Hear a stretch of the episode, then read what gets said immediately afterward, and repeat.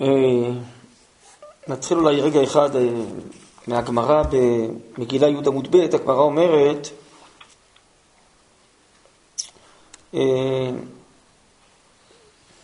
רבי אבא בר כהנא פתח לפיד אליי פרשת המהכה, לאדם שטוב לפניו נתן חוכמה ודעת ושמחה זה מרדכי הצדיק, ולחוטא נתן עניין לסוף ולכנוס זה המן. לתת לטוב לפני אלוקים זה מרדכי ואסתר. הכתיב ותשם אסתר את מרדכי על בית המן. אז אה, רבי אבא, כן, הוא נכנס לכל העניין הזה של אה, פרשת אה, מרדכי ואסתר מהפסוק הזה בקהלת, שלאדם שטוב לפניו נתן חוכמה ודעת ושמחה. כלומר, מרדכי הוא אדם שהוא טוב לפני uh, האלוקות, ויש לו uh, אלוקיות מיוחדת.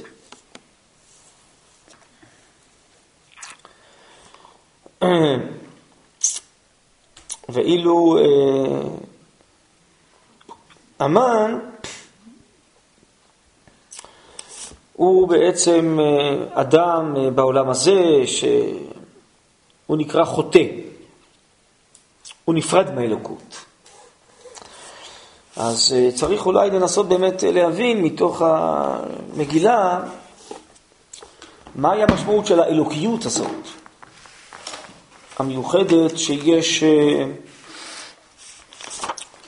לאסתר ול... מרדכי, שהוא המקור של אה, אה, גידולה של אסתר. ואיזה אלוקיות בעצם אה, מופיעה דרכו ועל ידו. אז אולי אפשר יהיה לראות בלי נדר כמה מקומות כאן במגילת אסתר, וקצת אולי להרחיב על זה מתוך דברי חז"ל או בעל פה.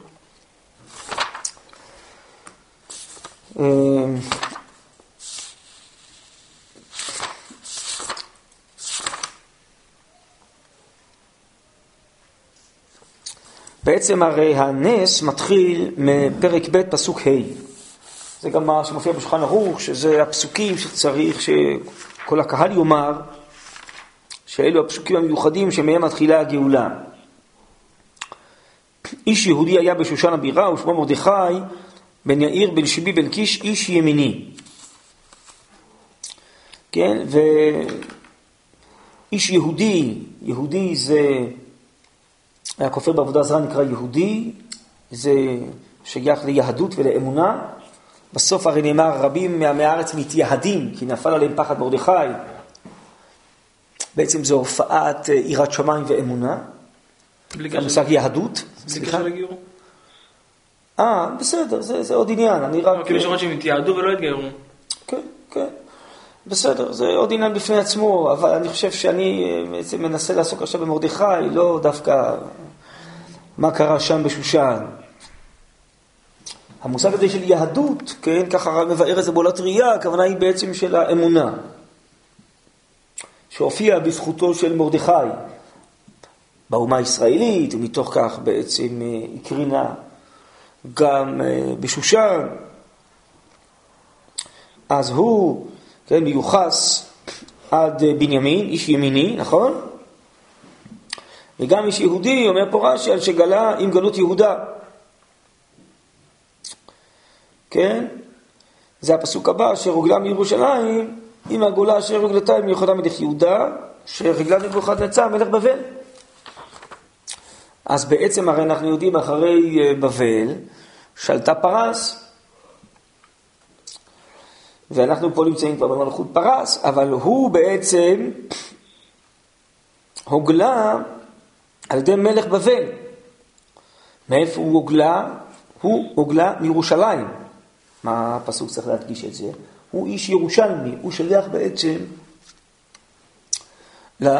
לקדושת ירושלים, הרב אומר בקבצים, שזה בעצם הניצוץ הטבעי האלוקי שמופיע בעולם, מופיע באומה הישראלית, זה המושג ירושלים, כל הכתוב לחיים בירושלים, ככה כתוב לעתיד לבוא.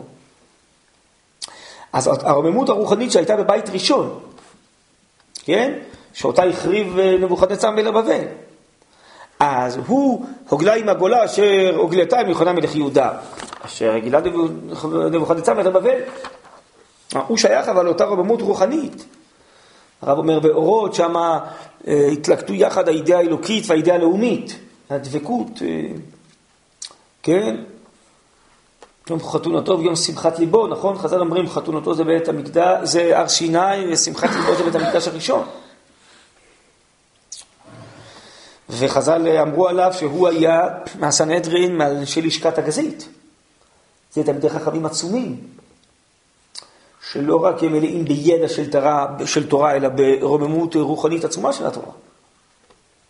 הכוזרי מסביר במאמר שני, שאיך שיכול להיות שכל הזמן היו 70 זקנים שהם כולם בקיאים בכל שורשי החוכמות, אלא שהחוכמות היו לא היו מצויות באומה. הן היו מצויות באומה מתוך הרוממות הרוחנית, שמתוך התורה שקדמה לעולם, אז גם יודעים את כל הידיעות על העולם.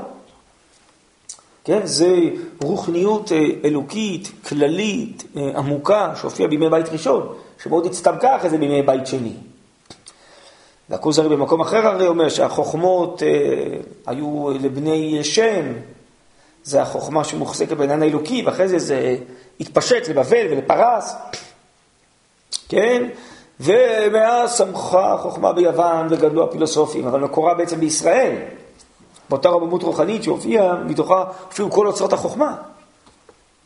אז מרדכי הוא אישיות אדירה כזאת, של רוממות רוחנית, של אה, אה, ידיעת כל התורה כולה וכל החוכמות כולה. כן, זה הכוונה, מסנהדרין מלשכת הגזית. לשכת הגזית היה חציה בקודש, חציה בחול, הייתה עוד יותר בית המקדש. אז האיש הזה, הוא גולה מירושלים ולמלכות פרס.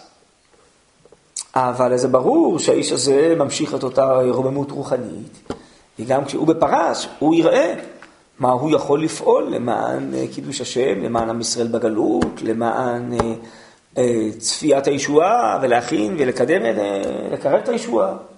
כן, אחרי שאתה מבין את אישיותו, מי זה מרדכי, אז גם יותר קל להביא לך הרי זה כל מיני דברים שהוא פועל. כן, תכף נראה בלי בהמשך. יותר קל להבין את החשבונות שלו. כן, שזה לא חשבונות שבמרכזם עומד הפרט. אלא במרכזם עומדת האומה הישראלית ועומד קידוש השם. עומדת התורה. כן?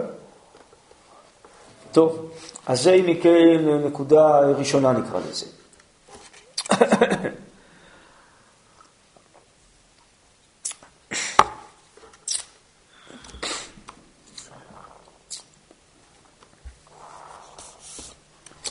אחרי זה, בפרק ב' כתוב ככה, אה, אם יש לכם ספרים, תסתכלו.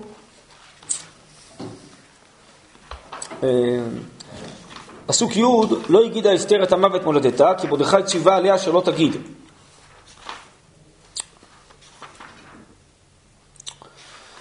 אה,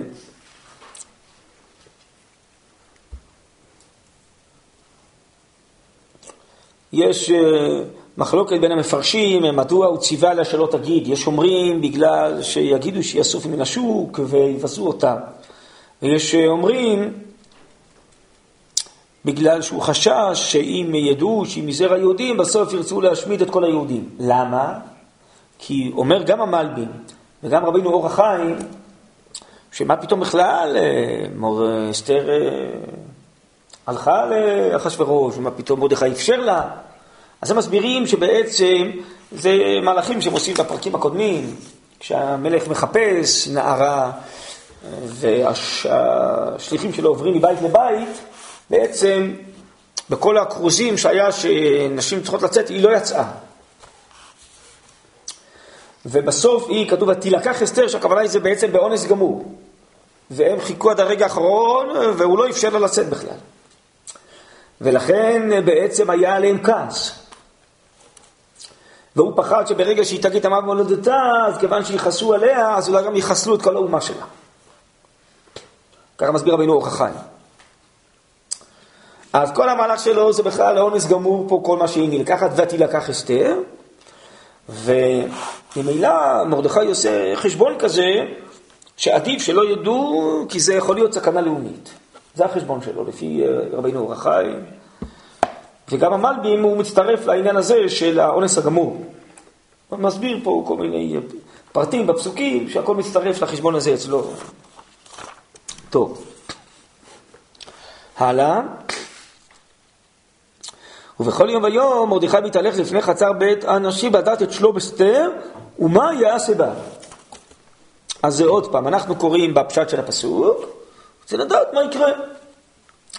אבל חז"ל אה, רואים את זה אחרת לגמרי. יש לזה ילקוט שמעוני, רש"י מביא פה את אה, חלק מהמדרש, אני אקרא לכם, מי שיש לו רש"י, תסתכל לפסוק י"א,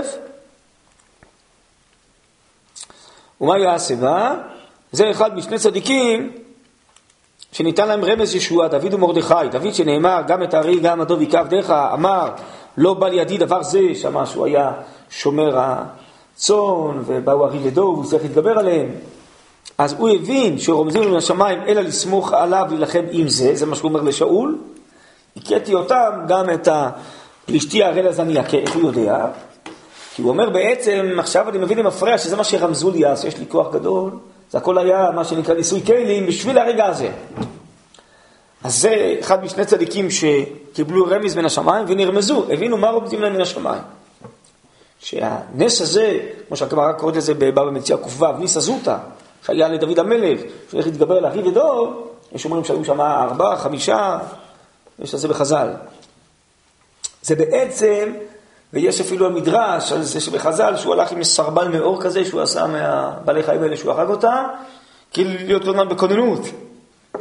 כי בעצם הוא ברור לו שזה יגיע רגע שהוא צריך להשתמש בכוח הזה, וזה מה שהוא אומר לשאול, עכשיו אני מבין, זה הכל בשביל זה. שזה מאמר של הרב ציודה, בנתיבות ישראל, לא לחינם. לא לחינם. כלומר, לא לחינם היה הרי והדוב, זה היה הכל בשביל זה. אז זה צדיק אחד. צדיק שני, שרמזו לו בין השם לרמה, זה מרדכי. למה? וכן מרדכי אמר, לא אירע לצדק זו שתילקח למשכב ערל, אלא שעתידה לקום להושיע לישראל. לפיכך היה מחזר לדעת מה יהא בסופה. כלומר, מה, מה יעשה בה, זה לא מה יעשה בה באופן פרטי בלבד, אלא איך תתגלגל על ידי תשועה. זה הכוונה מה יעשה בה.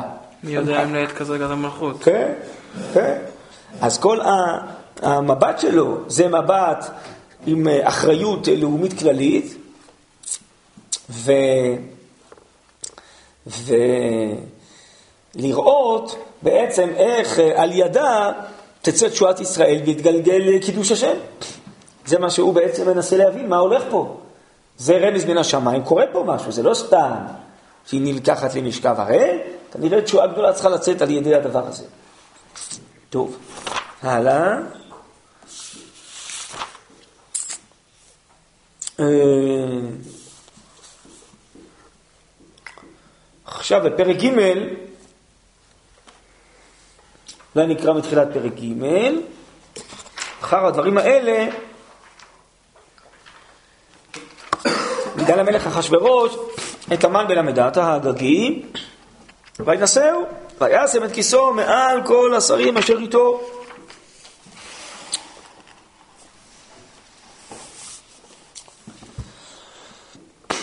וכל עבדי המלך אשר בשער המלך קוראים משתחווים להמן. כי כן ציווה לו המלך ומרדכי לא יכאב ולא ישתחווה. ויאמרו עבדי המלך אשר בשער המלך למרדכי מדוע אתה עובר את מצוות המלך? ויהי באומרם, או כאומרם אליו יום ויום, ולא שמע עליהם, ויגידו לאמן לראות, יעמדו דברי מרדכי כי יגיד להם אשר יהודי. וירא המן כי אין מרדכי קורא משתחווה לו, וימלא המן חימה וכולי.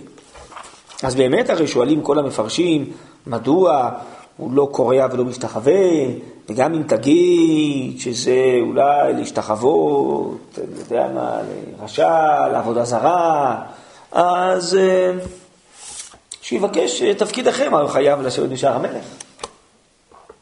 נכון? אז שיבקש החלפה. אז אבן עזרא אומר, הוא לא יכל זה, המלך ציווה לו, ואם הוא היה הולך משם, היו הורגים אותו. ככה אומר רבי עזרא. אבל הרבה חולקים עליו, הרידב"ז בתשובות חולק עליו, ואומר, זה לא הגיוני. יש עבדים בתפקידים אחרים, יבקש החלפה לתפקיד אחר. זה דווקא, לא כך מסתבר, לא הגיוני, דווקא המלך ציווה רוצה דווקא שהוא יהיה פה ולא במקום אחר, אחרת יהרגו אותו. ואז הוא אומר שני דברים הרידב"ז. דבר אחד הוא אומר,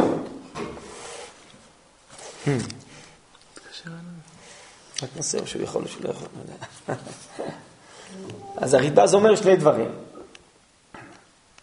אה, דבר אחד הוא אומר, אה, כן, אה, בעצם מרדכי מבין שזה רגע של מין שעת השמד הזה, שצריך למסור את הנפש, הוא אומר זה דומה לחניה, מישאל ועזריה, שקפצו לכבשן האש בשעת הגזירה, שעת השמד של אה, נבוכדנצר. יש רגעים של אמת, שיש מצוות קידוש השם, והוא בכלל לא שיער שמתוך כך תתפתח גזירה על כל האומה, כן, ושהמלך יסכים לזה. הוא חושב שזה בעצם אה, עניין אישי שלו, ככה אומר בהסבר ראשון הרמב"ם. והוא החליט שהוא אה, מוסר את נפשו על קידוש השם. כן? דבר דומה יש כאן במלבים, מי שיש לו מלבים יכול לקרוא איתי, אני לא יודע אם יש לכם מלבים, אבל אה, יש פה דבר, אני חושב, גם כן הדגשה חשובה.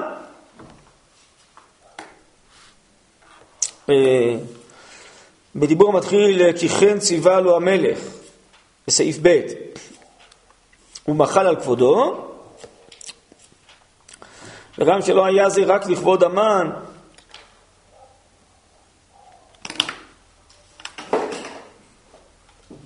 שבזה היה בידו למחול, רק היה מצוות המלך, וגם לא לאמן ציווה זאת שיפקיד על זה ויעניש את העובר מצד עברו מצד המלך, וקודם כל מרדכי, כלומר, כי כן ציווה לו המלך, מדייק המלבים, המלך ציווה. אבל זה לא שבעצם זה ציווי שמתחיל מהמן, וגם אף אחד אה, אה, לא אמר להמן שאתה צריך להרוג מי שלא קרא בהם משתחווה. אבל, ממשיך המלבים, מכל מקום מרדכי לא יכרע, גמר בליבו שלא לכרות בשום אופן, והטעם שנמנע מרדכי מקרוע לו, ברוע המפרשים, פני שהייתה השתחוויה הזאת כאין קבלת אלוקות. שכן היה דרך העמים הקדמונים מאמיני ההזיות לייחס אל כל איש שמצאו בו איזו מעלה יתירה בחוכמה או גבורה ואושר לומר שהוא מבני אלים ושכוכב או כוח עליון שופע עליו כמו שכתוב בנבחרת נצר ולדניאל סגי למנחה ולכוחין אמר לנס קלי לכן נמנע מרדכי בזה באשר הוא יהודי. בקיצור, אותו דבר אומר המדלי בעצם, זה מוסר נפשו על קידוש השם, אומר זה קבלת אלוקות, אני לא, לא, לא מוכן, לא נכנע. בסדר? אז זה תירוץ של הרדב"ז וגם כן כאן המלבי. תירוץ שני של הרדב"ז, הוא אומר, למרדכי יש רוח הקודש, כן? הוא לפי חז"ל מהנביאים. במאה העשרים של כנסת הגדולה, הוא נשאר מהנביאים, והוא מהנבואה של בית המקדש הראשון, ויש לו רוח הקודש, והוא צפה ברוח הקודש, שתשועה גדולה עתידה לצאת לישראל מתוך המאבק הזה עם המן ואחשוורוש. ככה אומר הרדב"ז. יש בעצם מדרשי חז"ל על זה, יש מדרשי חז"ל על זה גם במדרש רבה, שהוא כבר איזה עשר שנים קודם, הוא חלם חלומות על אה, תנינים גדולים שנלחמים אחד בשני, בקיצור. מה הוא מתחיל פה הרב? איזה חזית מרדכי פותח פה שהוא לא, לא. לא משתחווה? כן, מה... משום שזה גורם, זה מה ששואלים כל המפרשים, זה גורם שהמן יגזור גזירה על כל ישראל. אוקיי, ויש אומרים שלכן אה, רצוי לרוב אחד, יש מסבירים בגלל שלא הסכימו אה, כל החכמים למהלך שלו, של אה, המלחמה הגלויה הזאת והחזיתית מול בעצם המן, ואחשוורוש הולך יחד עם המן.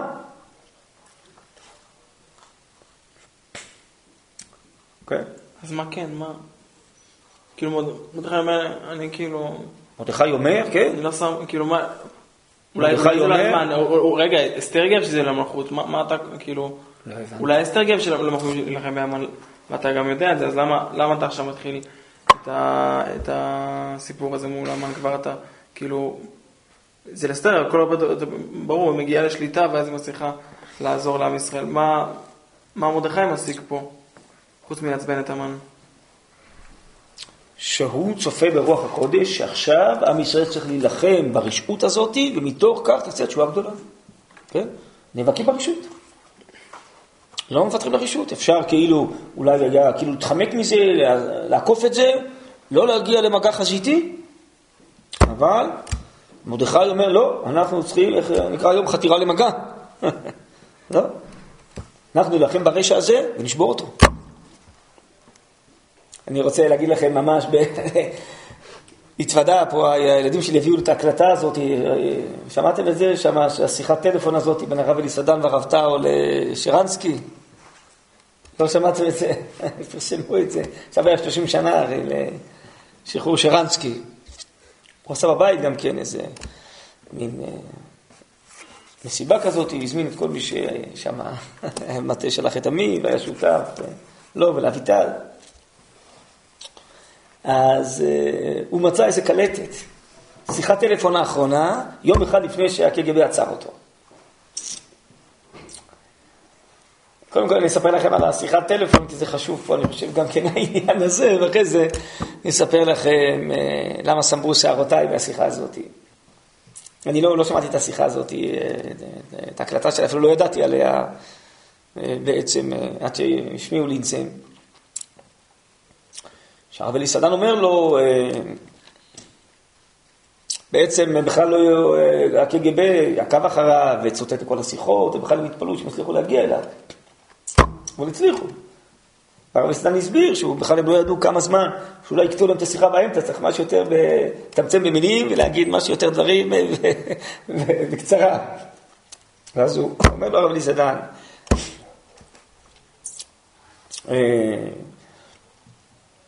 אני נוסע עם אביטל בעולם, אנחנו נפגשים עם אה, אה, נשיאים וזה, עם ישראל איתך, העולם איתך, משהו כזה. ואז הוא מעביר את השופרת אה, לרב טאור, הוא אומר לו אה, משהו כמו, אה, אל תחלש, אל תוותר, תהיה חזק, אנחנו עושים רעש בכל העולם, ואנחנו נילחם בשבילך ונוציא אותך משם, משהו כזה. ואז השיחה נגמרה, לא יודע אם הם כתבו בסוף את השיחה או שהם גמרו את השיחה, אני לא יודע בדיוק. ואומר שרנסקי, וזה, החברים האלה שלי, הם אלה שנתנו לי את הכוח, כל השנים בכלא, אמרתי לעצמי, אני לא אחזר אותם. מאבק עולמי, אני לא אחלש. מדהים, כי זה לא, זה לא שמעתי, זה שהוא אמר שתולה את עצמו בכל ה... הוא ידע שיש גיבור והיה בקשר וזה, אבל ועוד עוד בשיחה הזאת, זה היה יום לפני שהקבר יצא אותו, אולי בעקבות השיחה. למה שמו שערותיי? כי אני זוכר את החבר זכרונו לברכה ואותי, כבחורים צעירים אז במרכז הרב, הלכנו לחם צבי לרב ושאלנו אותו, מה אתה... הרב טאו שם היה לו מעל השולחן אוכל, כל יום הוא העביר איזה דף, שהיה שביתת רעב של שרנסקי, ספר את הימים, כמה זה ימים שהוא עובד רעב. ושם היה מטה שלח את עמי, היה צדיק עליון, היה פה בשבת שעברה עם לנזמן ומשפחת יונגשטיין, הוא קרוב של משפחת יונגשטיין, הוא היה צדיק נסתר, ינקלה לוין. הוא הקים את המטה, הוא... שרנסקי הגיע לארץ בזכותו בעצם. אבל הוא כזה צדיק נכבה אל הכלים, הוא איש חרש כזה, מאחורי הקלעים, שעושה דברים גדולים למען עם ישראל. גם היום. קיצור, אז... אז למה סיפרתי? כן, אז שם קריית משה, שם בבית של זכר צדיק לברכה, רבני אייזנר, שם הקימו את מטה שלח את עמי, ויאנקלה הקים את זה. קיצור. אז שאלנו, אני זוכר, שאלנו את הרב טאו, מה אתם מתעסקים עם כמה סירובניקים שם? מסך הברזל ברוסיה, יש כל כך הרבה בעיות פה, בארץ, אתם שם מגבים כמה סירובניקים, כל כך משקיעים בזה מאמצים, מדברים על זה, שולחים אנשים בעולם, אה, מה כל העניין, יש פה כל כך הרבה בעיות, חסר בעיות. אז אני זוכר, כבר היום הוא ביטל בכלל את הדברים שלנו, אמר לנו, אתם לא מבינים כלום, אתם לא רואים כלום. יש שם רשע עולמי, שם כל הסיביר וכל הרוסיה, מה שהברית המוע... ברית המועצות, מסך הברזל, יש שם רשע אדיר בעולם. היהודים האלה נלחמים ברשע הזה, הם יבקעו אותו.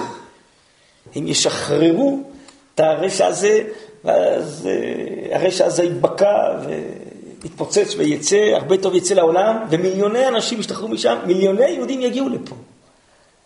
אנחנו מגבים אותם, זו פעולה עולמית בכלל, זה נגד הרשע העולמי. אני זוכר כמו היום שהוא אומר לנו את זה. לא הבנו בכלל מה הוא אומר בכלל, מה, כל מיני דברים היו נראים הזויים בכלל. מה הוא רואה, מה הוא אומר בכלל.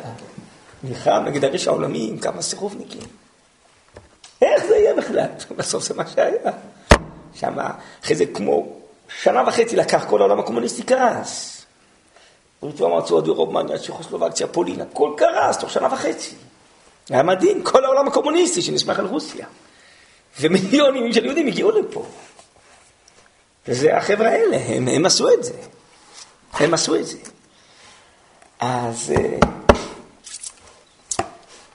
אז, ואני זוכר אותו דבר, אה, שיעורים של הרב טאו במקלט בישיבת מרכז הרב במלחמת לבנון הראשונה. כלומר, זה לא רק בשביל גבול הצפון, וזה מלחמה נגד הרשע העולמי שנמצא שם היום. זו מלחמה של הטוב שנלחם ברע, לשבור את הרשע העולמי. כן, היה ימים קשים אז שם, הגיעו שמות, גם בחבר'ה מהישיבה, פצועים, הרוגים, היה ימים קשים, מאוד קשים. אז הוא במקלט, סדרת שיעורים, אחרי זה יצא, שיחות בית מלחמה, חוברת כזאת.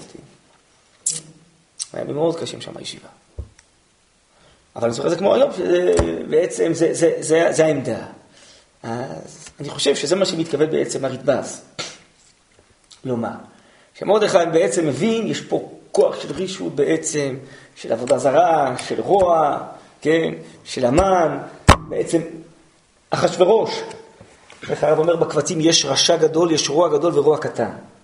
רוע גדול זה עמלק, זה הרוע האובססיבי, נקרא לזה. זה הרישות ממש. יש רוע קטן שזה אומות העולם שעושות לגרמאיות, כמו שהגמרא בעבודה זרה אומרת, בשביל עצמם. כשמתחברים ביחד, זה שהחשרוש מתחבר להמן, והמן מפעיל אותו.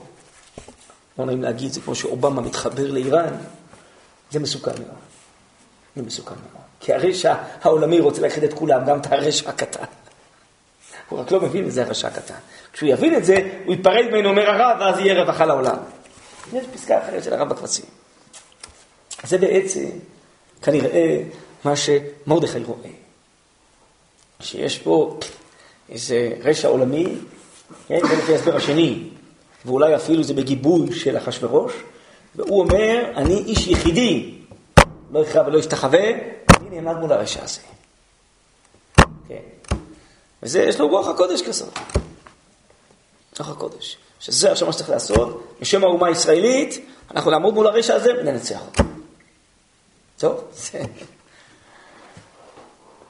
כן, אז יש דברים כאלה. אז זה בעצם ההסבר השני של, של הריבז.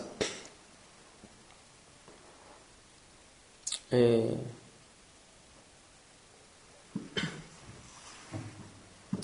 המלבי מדייק עוד דבר, שהמן אומר למרדכי בפרק ג' פסוק ט', אה, אולי נקרא ביחד את ח' ואת ט', אומר המן למלך אחשוורוש, ישנו עם אחד, מפוזר ומפורד בין העמים, לכל מדינות מלכותיך, ודעתיהם שונות מכל עם, ודעתם מלך אינם עושים, ולמלך אין שווה להניחם. אין שווה להניחם, כלומר שהם לא צריכים להיות בעולם. עכשיו, אם על המלך טוב, ייכתב לאבדם וכולי. מה זה לאבדם? הרי כבר הוא דיבר להשמיד אותם, נכון? מה זה לאבדם? אומר המלבים, פשטות ביאורו לאבד צורת האומה, שהיא דתם, לבטל דתם, ולהכריחם לשמור דתו של יתר העמים. מה, לאבד, לאבדם זה לאבד צורתם, את הצורה הפנימית שלהם, את הרוחניות שלהם. כלומר, הוא נלחם כנגד האומה וכנגד הרוחניות שלה. ככה מסביר המלבי בעצם.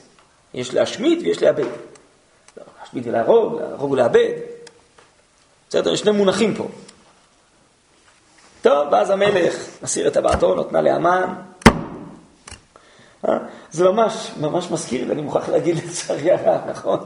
כמו הברית הזאת שהוא בא, מה קראתי, מאיראן, ואיראן אה, השבוע, לא, שבוע שעבר, עשו ניסוי של טילים, וכתבו על הטילים האלו אה, למחוק את מדינת ישראל. אה? זה ממש אותו דבר, ההיסטוריה חוזרת, זה מדהים. אותו מקום. זה ממש אותו מקום, זה מקרא פשוט הדבר הזה. כן? היה שר המלך את הבעתו, ויתנה לאמן. זהו. נתנו להם 100 מיליארד דולר עכשיו, קדימה. תשמעו את ישראל. מדהים. מדהים. אה? יש אומרים, אחשוורוש מלך חכם היה, מלך טיפש היה, על אובמה נראה לי שאין מחלוקת. זה משהו הדבר הזה. טוב. הלאה. הלאה, אה, פרק ד', בסדר? ומרדכי ידע את כל אשר נעשה. ויקרא מרדכי את בגדיו, ויתבע שק ואפר, ויצא בתוך העיר, ויזעק זעקה גדולה ומרה. מה זה העניין הזה, מרדכי ידע את כל אשר נעשה? אז עוד פעם הפשט, הפשט. אבל רש"י מביא פה בקצרה בעצם את המדרש רבה, אולי נראה קצת את המדרש רבה הזה בפנים. מרדכי ידע, אומר רש"י פה, תסתכלו בפסוק א', בעל החלום אמר לו שהשכימו העליונים לכך, לפי שהשתחוו להצל ממנו נבוכדנצר, ושאיננו מסעודת אחשוורוש. הוא ידע מה שקבעו בשמיים, ככה המדרש אומר. אז בואו נקרא אולי קצת מדרש רבה על זה, המקור הזה של רש"י.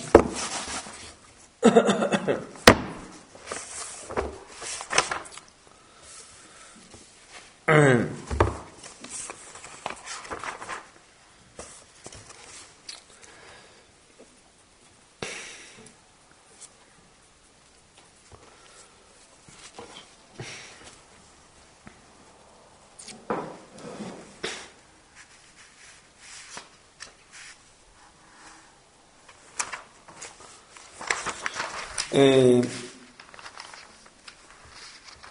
יש פה בכלל כל מיני דברים מעניינים במדרשים פה, אבל אני אתחיל אולי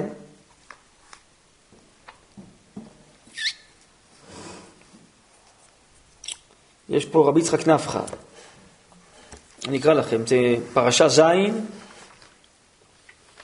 אה, סעיף י"ג, זה סעיף ארוך, אה, לא, אולי זה כבר לא י"ג.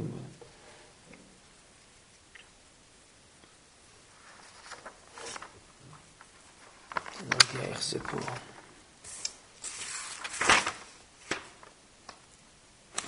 לא יודע בדיוק איך זה הולך פה. טוב.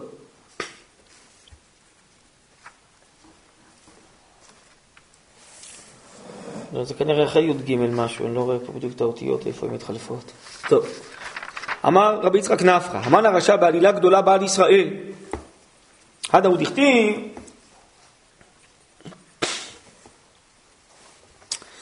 ובמלאת הימים האלה עשה המלך לכל העם הנמצאים בשושן הבירה. נכון? זה פרק א', שאחשוורוש עשה לכל עם שושן משתה. אומר המדרש, רבי יצחק נפחא, אין העם האמור כאן אלא ישראל. זה סעודה מיוחדת לעם ישראל. ככה הוא מסביר. עד עוד דכתיב, אשריך ישראל מכמוך עם נושע בהשם. אמר המן אחשורוש, אלוהים של אלו שונא זימה, המל להם זונות ועשה להם אשתה, וגזור עליהם שיבואו כולם ויאכלו וישתו ויעשו כרצונם, שנאמר לעשות כרצון איש ואיש. כלומר, זה מתוחכם. כן? שהוא אומר, בוא נחטיא אותה, ואז בעצם נעקור את שורשם הרוחני. כמו שפה ראינו בפירוש של המב"ם, לבטל את צורתם הפנימית. זה בעקבות אה, מדרשים קודמים, שבעצם היועצים שלו אומרים, אה, באמת, לא למדת היסטוריה? איפה היית בשיעורי היסטוריה? לא למדת שכל מי שקם עליהם בסוף נפל? כן. מזכירים פה את כל ההיסטוריה, נבוכדנצר וזה, סנחריב, כולה. הם אומרים, לא ידענו מי היה, אבל הוא נפל. לא ידענו מי היה, אבל הוא נפל. הם כאילו אומרים, היה פה איזה משהו אלוהי, משהו על טבעי, והוא נפל. אז מה, אתה יותר חזק מהם? יותר חזק מנוחבצר, יותר חזק מכל, מפרעה, מזה, הם שואלים אותו, מה אתה? ואז הוא אומר, טוב, אז אם ככה, אז זה בגלל אלוהיהם, שהוא חזק. אה, הוא טוען בכלל אלוקיהם, אבל הוא, בהתחלה הוא טוען אה, אלוקיהם, נכון, אז, אבל הוא היה צעיר, עכשיו הוא זקן, כבר אין לו כוח כבר. זה... טוב, זה דיון כאילו מאחורי הקלעים, מה, מה אמרו שם אחד לשני, ככה המדרש כותב. זה מדרש מיוחד כזה, בסגנון מיוחד. אבל בכל לפי רבי יצחק נפחא, הוא אומר, טוב, אם ככה יש להם אה, סייעתא דשמיא רוחנית אלוקית, אז נחטיא אותם, לא יהיה להם סייעתא דשמיא, ואז נוכל להם.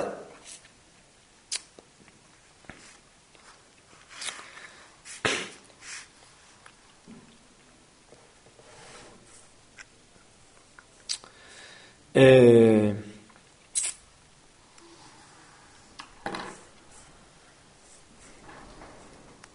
ואיך נחטיא אותם? לא במלחמה, הפוך, נקרב אותם בתרבות פרס ונחטיא אותם.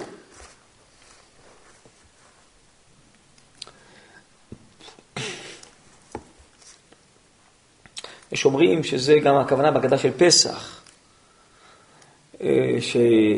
איך קוראים לו? לבן ביקש לעקור את הכל. שהוא יותר מסוכן. הוא אומר, הבנות בניי, והבנות בנותיי, הבנים בניי, למה לא אה, קראת לי, הייתי משלח אותך בתופים, במחולות, נכון? המן דווקא בכאילו האהבה שלו, בקירוב שלו, יותר מסוכן מפרעה. לכן השם הוציא את יעקב וזרעו אה, מלבן והעביר אותם לפרעה. שם האומה הישראלית תישמר. ואצל לבן זה הרבה יותר מסוכן. ביקש לעקור את הכל. זה מה שלא מבינים היום כנראה יהודי אמריקה והרפורמים. שזה הרבה יותר מסוכן. המקום שהם נמצאים, המקום שגוזרים גזירות על היהודים. הם לא מבינים את זה. טוב. אמר המן אחשורוש, אלוקיהם של אלו שונא זימה, עמד להם זונות, עושה להם משתה, וגזור עליהם שיבואו כולם, ויאכלו וישתו, ועשו כרצונם, שנאמר לעשות כרצון איש ואיש. כן, ואנשי רב מרדכי כך, עמד והכריז עליהם ואמר להם, לא תלכו לאכול בסעודתו של אחשורוש, שלא יזמין אתכם, כי אם נלמד עליכם קטגוריה, כדי שיהא פתחון פה עם מידת הדין לקטרג עליכם לפני הקדוש ברוך הוא. ולא שמעו לדברי מרדכי, והלכו כולם לבית המשתה. כלומר, מרדכי מבין את המזימה. הוא מבין שזה מלחמת תרבות. עכשיו בכוונה עושים בשבילנו משתה, לקרב אותנו, כן? בשביל להחטיא אותנו.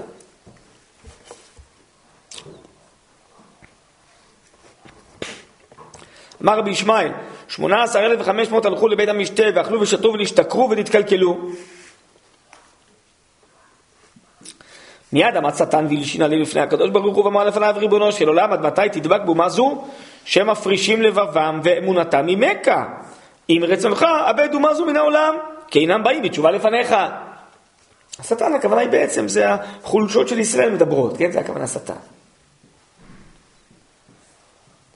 אמר הקדוש ברוך הוא, תורה מה תהא עליה?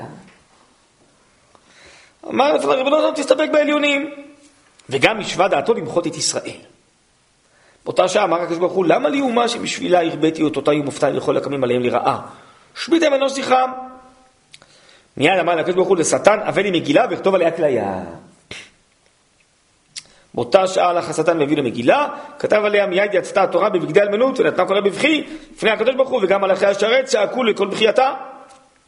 ואמרו לפניו ריבונו של עולם, אם ישראל בטלים מן העולם, אנו למה אנו צריכים בעולם, שנאמר, הן אלים צעקו חוצה, מלאכי שלום, מעריב קיו. כיוון ששמעו חמה ולבנה, כך אספו לו גם שנאמר, על בי שמיים כדרות ושק אשים כסותם. עכשיו תשמעו טוב.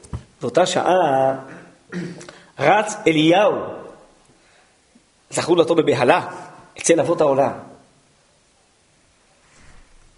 מה קשור אליהו? אליהו זה בעצם כוח סגולתם וישועתם של ישראל, נכון? ככה הרב אומר באורות.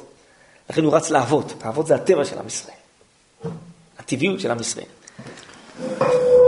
כן? הסגולה והקדושה הטבעית, נצח ישראל, זה אליהו והאבות, ככה הרב אומר באורות. דהיינו,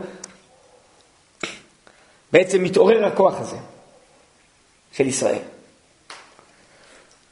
ואצל משה בן עמרם, מה זה משה בן עמרם? זה כוח התורה. משה ואליהו, הרב אומר, אליהו זה הטבע של עם ישראל, משה זה התורה. אמר להם, עד מתי אבות העולם רדומים ושינה? אי אתם משגיחים על הצרה שביניכם ושרויים בה? כמלאכי השרת וחמה ולבנה וכוכבים ומזלות ושמיים וארץ וכל צבא המרום בוכים במרד ואתם עומדים מנגד ואינכם משגיחים? אמרו לו מפני מה? מה קרה?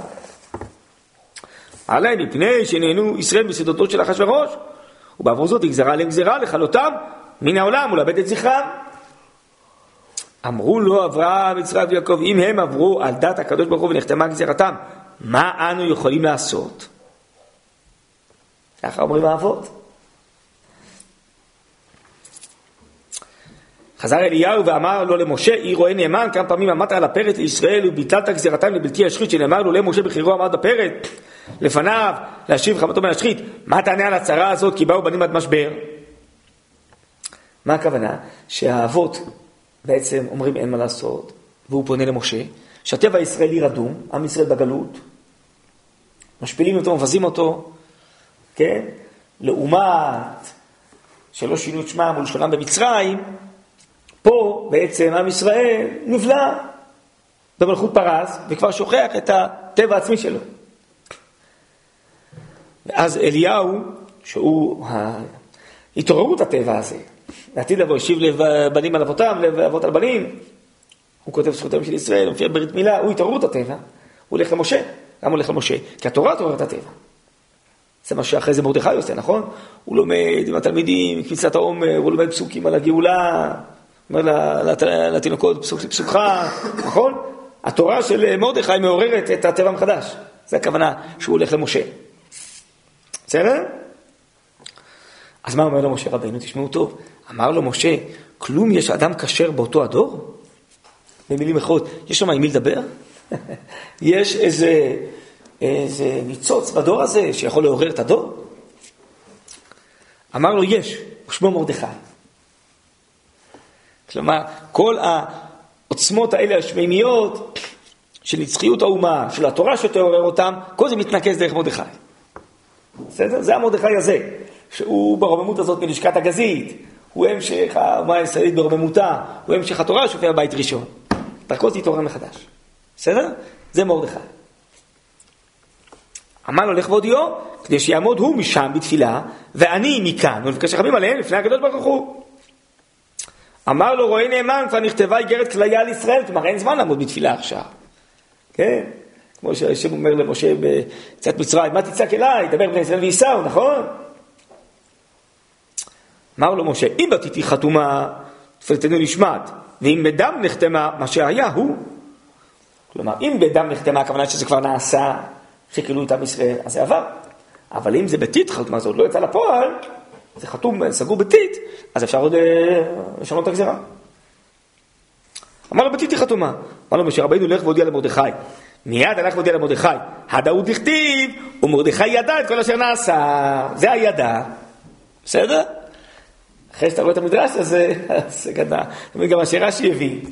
הוא בעצם יודע את כל התרחשות בשמיים, ובמילים אחרות, כל השמדיות הזאת מתעוררת בנפשו, במוחו ובליבו של מרדכי. כל הכוח הזה של כלל ישראל, הכוח של התורה, מתעורר אצלו. הוא ברבנות הזאת, והוא יצית את זה בכלל ישראל. הדו דכתיב מרדכי ידעת כל אשר עשה, ויקרא מרדכי את בגדיו, וכולי וכולי וכולי. וזה מתחבר למה שראינו קודם בחז"ל, שזה אחד משני צדיקים שנרמזו לרמזי שם, נרמזו, כלומר רומזים מן השמיים, שדרכו צריכה להיות תשובה על ישראל. אני חושב שהלימוד מזה הוא לימוד עצוב, שיכול להיות שלפעמים יש אנשים בודדים בדור, שהם אחוזים ברוח האמיתית של הדור, הם יכולים להצית את כל הדור. הנה אתם רואים? זה מה שקרה פה. שבעצם 18,500, ויכול להיות שגם חכמים אחרים אולי לא נכנסו למשתה, אבל לא מחו. נכון? לא נלחמו. רצו אפילו לרוב אחד, אולי אמרו זה לא דרך נכונה, אתה מסכן את ישראל, נכון? אבל עומד מרדכי אחד. זה נקרא שיש לו רוח הקודש. שכל השממיות הזאת היא אה, מתעוררת דרכו, הוא מרגיש שרומזו ממנו לשמיים, הוא מרגיש שיש לו כוחות. והוא עומד בפרץ, והוא עושה מהפך בכל הדור. יש לפעמים דרך אישים יחידים, כן? שהגאולה מתנקזת דרך איזה אישים.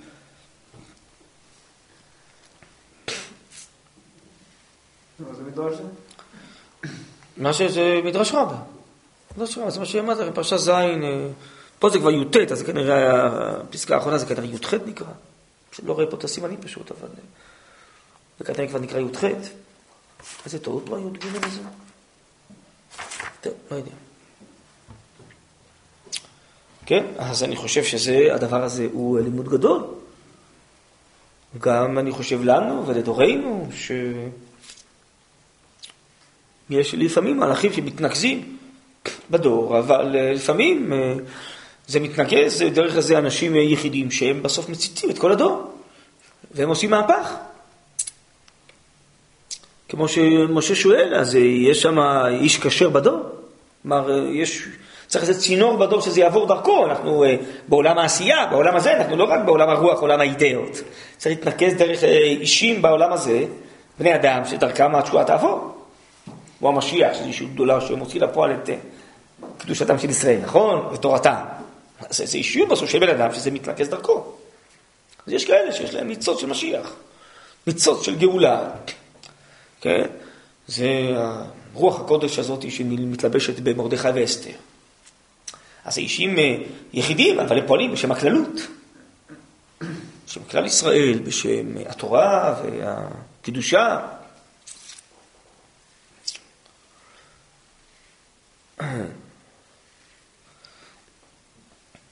יכול רק לסיים אולי בעוד איזה מדרש, אני אקריא לכם פה לסיום.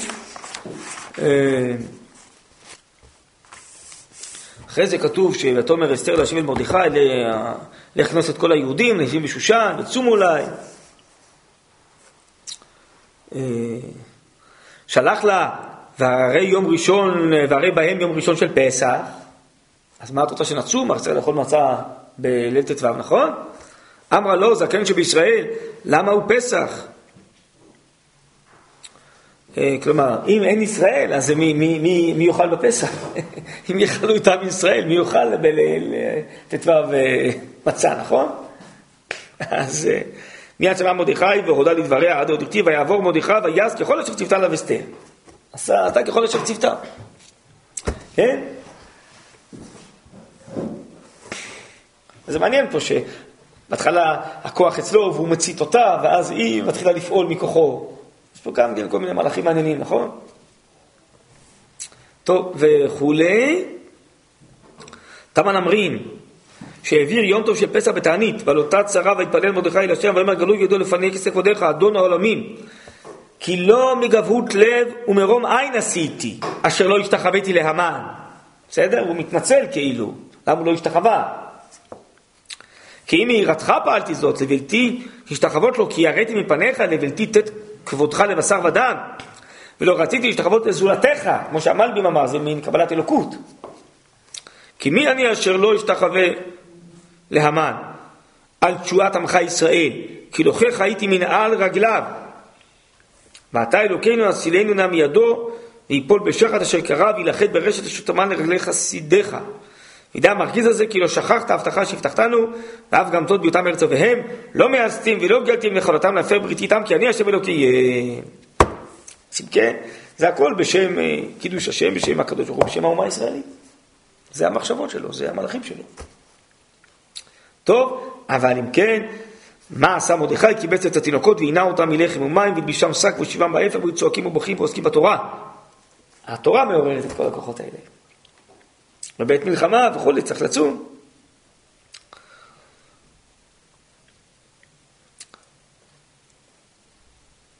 טוב וכולי. אחרי זה תפילת אה, אסתר יש פה. בסדר, יש פה דברים נפלאים, אבל זה צריך באמת אה, לראות את הדברים מתוך חז"ל, מתוך המפרשים, אז העיניים נפתחות, לראות פה דברים גדולים מאוד. טוב, בעזרת השם.